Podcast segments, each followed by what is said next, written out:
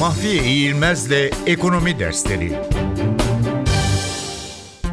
J eğrisi Devalüasyon ya da yerli paranın değer kaybetmesi ilk aşamada yeni koşullara kolay uyum sağlanamayacağı ve yeteri kadar esnek olunamayacağı varsayımı altında dış dengeyi bozar. Bu durumda dış ticaret dengesinde açık yönünde bir yükselme ortaya çıkar. Bu bozulma bir süre sonra yeni koşullara uyum sağlanması, bir anlamda alışılması sonucunda bu kez ucuzlayan ihraç mallarına talebin yükselmesi ve pahalılaşan ithal mallarına talebin düşmesiyle bu kez tersine döner.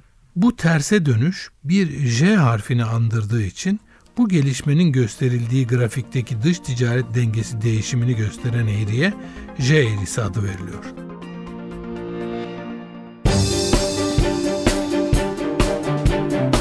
Mahfiye İğilmez'le Ekonomi Dersleri